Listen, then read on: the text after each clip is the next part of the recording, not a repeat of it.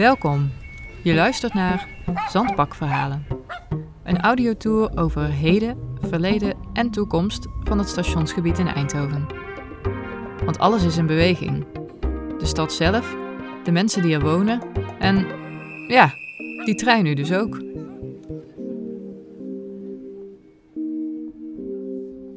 Ik zal mezelf eerst eens voorstellen. Mijn naam is Margriet en ik kom uit, drie keer raden, inderdaad uit Eindhoven. Toevallig ben ik ook de maker van deze audiotour. Dat is serieus best toevallig, want ik ben geen journalist, historicus of stedenbouwkundige of zo. Ik ben eigenlijk gewoon een nieuwsgierige inwoner van deze stad. En nu denk je misschien, het ziet er hier nog niet zo spannend uit uh, op het stationsplein. Nee, dat klopt. Maar dit gebied gaat de komende jaren flink op de schop. Daarom ga ik in elke aflevering bij een aantal mensen op bezoek die vertellen over hoe het hier nu is, hoe het vroeger was of hoe het straks wordt. Ik hoop dat jij, lieve luisteraar, naast die rare zandzak staat nu, met die gele wokkels erop en met een paal erin, waar een bordje aanhangt met een QR-code die je net hebt gescand. Elke paar weken verplaatst de zandzak naar een nieuwe plek op het plein. En daar hoort ook een nieuwe aflevering bij. Zo vormen ze straks samen een audiotour.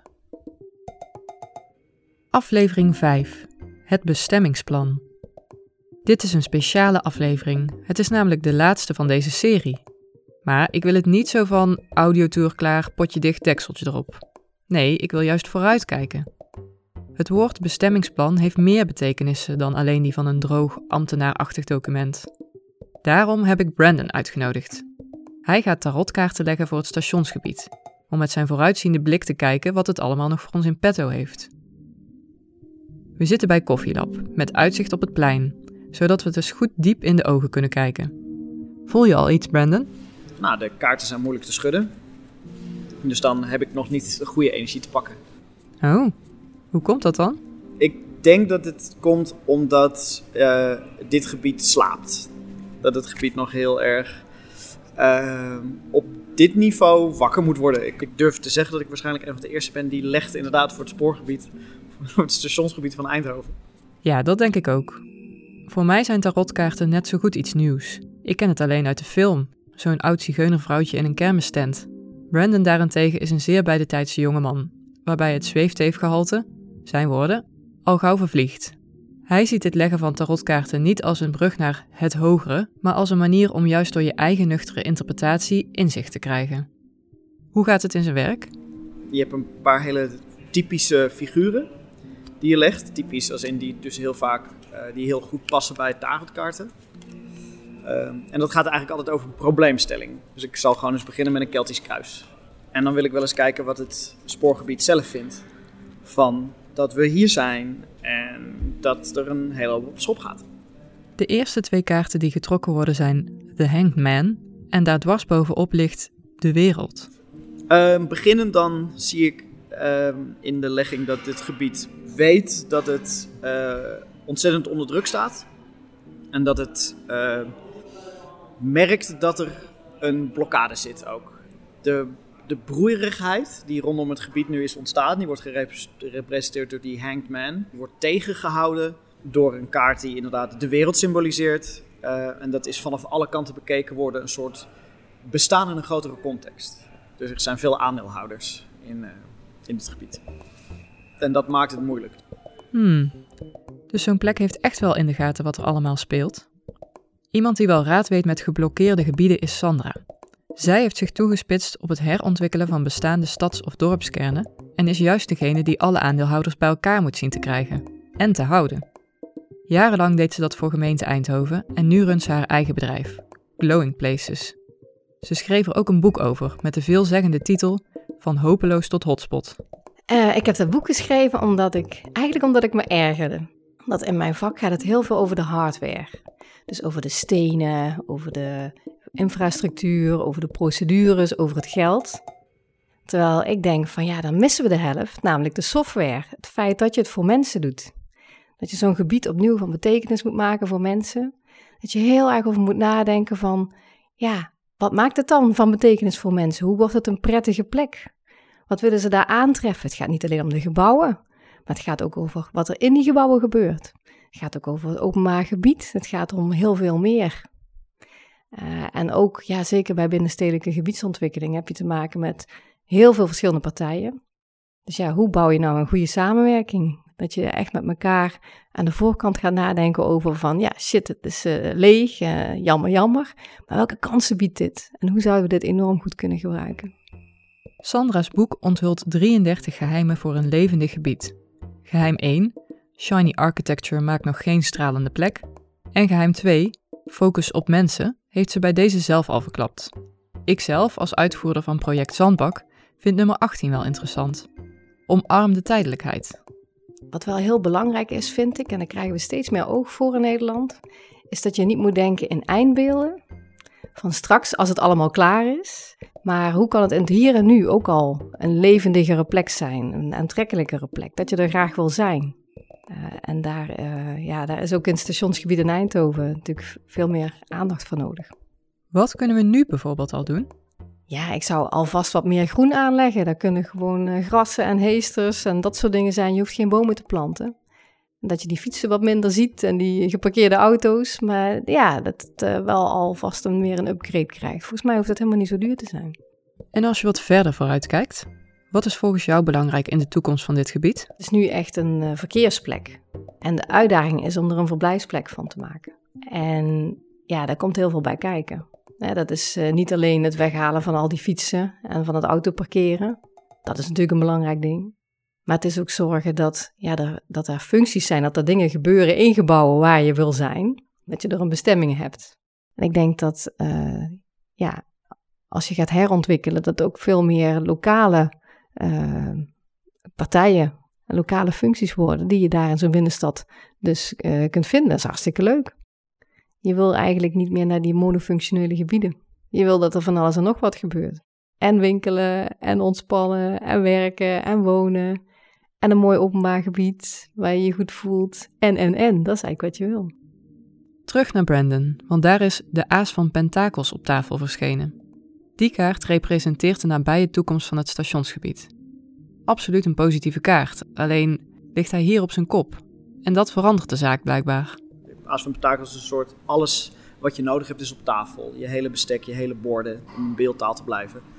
En de tafel die hier geschikt wordt, daar missen gewoon wat ingrediënten uit. Weet je, dan heeft, jij hebt drie lepels en ik heb twee vorken. Uh, er is te veel boter en geen brood. Dus er gaan gaten vallen in de nabije toekomst op materieel gebied van wat hier aanwezig is. En ik ben heel benieuwd hoe, je dat, hoe zich dat gaat manifesteren. Dat kan fysiek gebeuren, is dat we te weinig fietsenstallingen hebben. Maar misschien dat er een functie nog ontbreekt nu in de plannen. Dat, ze niet goed hebben, dat er niet goed is nagedacht over, ja, maar we moeten wel, misschien moet er toch een zwembad komen. Stel je eens voor. En, en dat zie ik nu wel gebeuren op basis van de kaarten. Brandon trekt nog een kaart die iets vertelt over de angst van het gebied. Wat betekent dit? Ik denk dat uh, de angst is, is dat er toch een soort uh, patriarchaal stukje geschiedenis misschien weg kan trekken als dit gebied gaat veranderen. Uh, Philips is heel erg een, een de familie is heel erg een koning van kelken generatie. Want zij hebben tot nieuwe hoogtes kunnen komen. Het gebied heel erg beïnvloed. Uh, zitten ook echt zeg maar, in het water. Uh, nou, ook de gender die weer naar boven gaat komen zit ook in deze kaart. En als ik verder ga kijken zie ik echt ook wel wat meer water erin zitten. Uh, alleen, die hebben ook nog steeds een op zichzelf staande identiteit. Maar hun authentieke eigenwaarde mag niet verloren gaan. Dat is heel erg waar mensen bang voor zijn en het gebied bang voor is dat die gender wordt dan wel bovengehaald, maar wordt die bovengehaald omdat de gender vet is? Of omdat het goed staat bij kijk als het nu stationsgebied? Dat is een heel groot verschil voor de vibe die hier rondhangt. Juist dit kunnen we mooi aan Erik vragen. Hij werkt namelijk als omgevingsmanager bij Waterschap de Dommel en houdt zich bezig met het hoe, waar en waarom van de gender. Waarom is het zo belangrijk dat de gender naar boven wordt gehaald? Omdat het water zeg maar, nu eh, verdwijnt in de gemengde riolering en afgevoerd wordt naar de zuivering. Maar wij er energie in moeten stoppen om te reinigen, alvorens weer te lozen op de dommel. Eh, als je die, die nieuwe gender zeg maar, eh, gerealiseerd hebt, hou je schoon water. En hoeven wij niet nog een keer energie in te stoppen. Dat, dat is al een groot voordeel. Maar daarnaast heeft het ook eh, esthetisch, zeg maar, voor de leefomgeving een, een, een effect. Je krijgt in één keer zichtbaar water. En de beleving van de stad wordt door een andere. Ehm, nou, dat, dat is iets wat, eh, wat eigenlijk niet in geld is uit te drukken. En wat gewoon eh, ja, mooi is om te zien. Het helpt dus mee aan een efficiëntere waterzuivering en er ontstaan mooie plekken in de stad. Groene oases die ook helpen de zomerhitte wat te temperen. En er is nog een andere goede reden om dit te doen. Eh, de, de afgelopen drie jaar zijn extreem droog geweest. En we zien dat de, eh, het, het watersysteem onder de stad, zeg maar, de, het grondwatersysteem, dat zie je steeds verder wegzakken. En ehm, het wegzakken wil zeggen dat ja, het verdroogt eigenlijk ook onder de stad. En je moet een manier vinden om dat terug te brengen. Nou, afkoppelen van daken, eh, wegen, openbare ruimtes naar het, naar het watersysteem is één. Maar eigenlijk terugbrengen in de bodem is een nog veel betere eh, optie. Je moet zo, die sponswerking van de bodem moet je gaan gebruiken. En ja, dat, dat is een, een verandering die ja, eigenlijk nog maar in de kinderschoenen staat, maar waar we wel steeds meer naartoe gaan, eh, gaan groeien. Erik vertelt me dat de Gender zo'n 14 kilometer lang is en in Eersel ontspringt, ofwel kwelt. Het E3-strand, die grote zwemplas daar, is ook onderdeel van de Gender. Kunnen we in Eindhoven dan straks ook zwemmen in de Gender? Dan heeft Brandon dat goed in de kaarten gelezen. Ik adviseer hem niet te doen. Dat komt eh, omdat eh, eh, vanaf de bron zeg maar, tot, tot aan het Genderpark, daar zitten inmiddels ja, daar zitten allerlei steden en kernen die daar langs liggen. De riolering van die kernen, ook gemengd gerioleerd, kan met, met extreme neerslag gaan de overstort inwerken. En die voeren hun stedelijk water af op die beek. Hmm, dat klinkt toch niet zo fris. Ik hoop dat ze daar nog iets op gaan vinden voordat de gender hier bovengronds komt. Zeg Brandon, wat hoopt het gebied eigenlijk zelf? Uh, de hoop van het gebied, en dat vind ik wel heel cool in de legging die je mij vraagt te doen, is uh, Kelke 7. En dat is een droom- en visioenenkaart. En nou ja, dat gaat dus een beetje over wat ik aan het doen ben. En ook in het kader van jouw project, dus om inderdaad verder te kijken. En wat zijn de mogelijkheden? Is ook iets meer inderdaad wat de kunstenaars, ontwerpers en designers van onze mooie stad mogen doen. Is kijken van nou, wat zijn de mogelijkheden? En dat is ook wel de hoop van dit gebied. Is dat ook alles uitgeprobeerd mag gaan worden dat uh, je uh, mag komen luisteren, mag komen beleven, mag komen doen. Van uh, wat, wat zou hier kunnen ontstaan en wat zou hier wel en niet werken qua doorontwikkeling. Daar kan ik me alleen maar bij aansluiten, stationsgebied. Dat mensen zijn komen luisteren naar dit experiment is alvast gelukt. Maar het was, voorlopig in ieder geval, wel de laatste aflevering van Zandbakverhalen. De tour over het plein blijft gelukkig nog heel lang terug te luisteren via www.zandbak-eindhoven.nl. En wil je gewoon nu de vorige aflevering luisteren? Loop dan een eindje van het station af, richting het 18 septemberplein. Op het pleintje voor het oude VVV-gebouw vind je een QR-code op de stoep die je kunt scannen.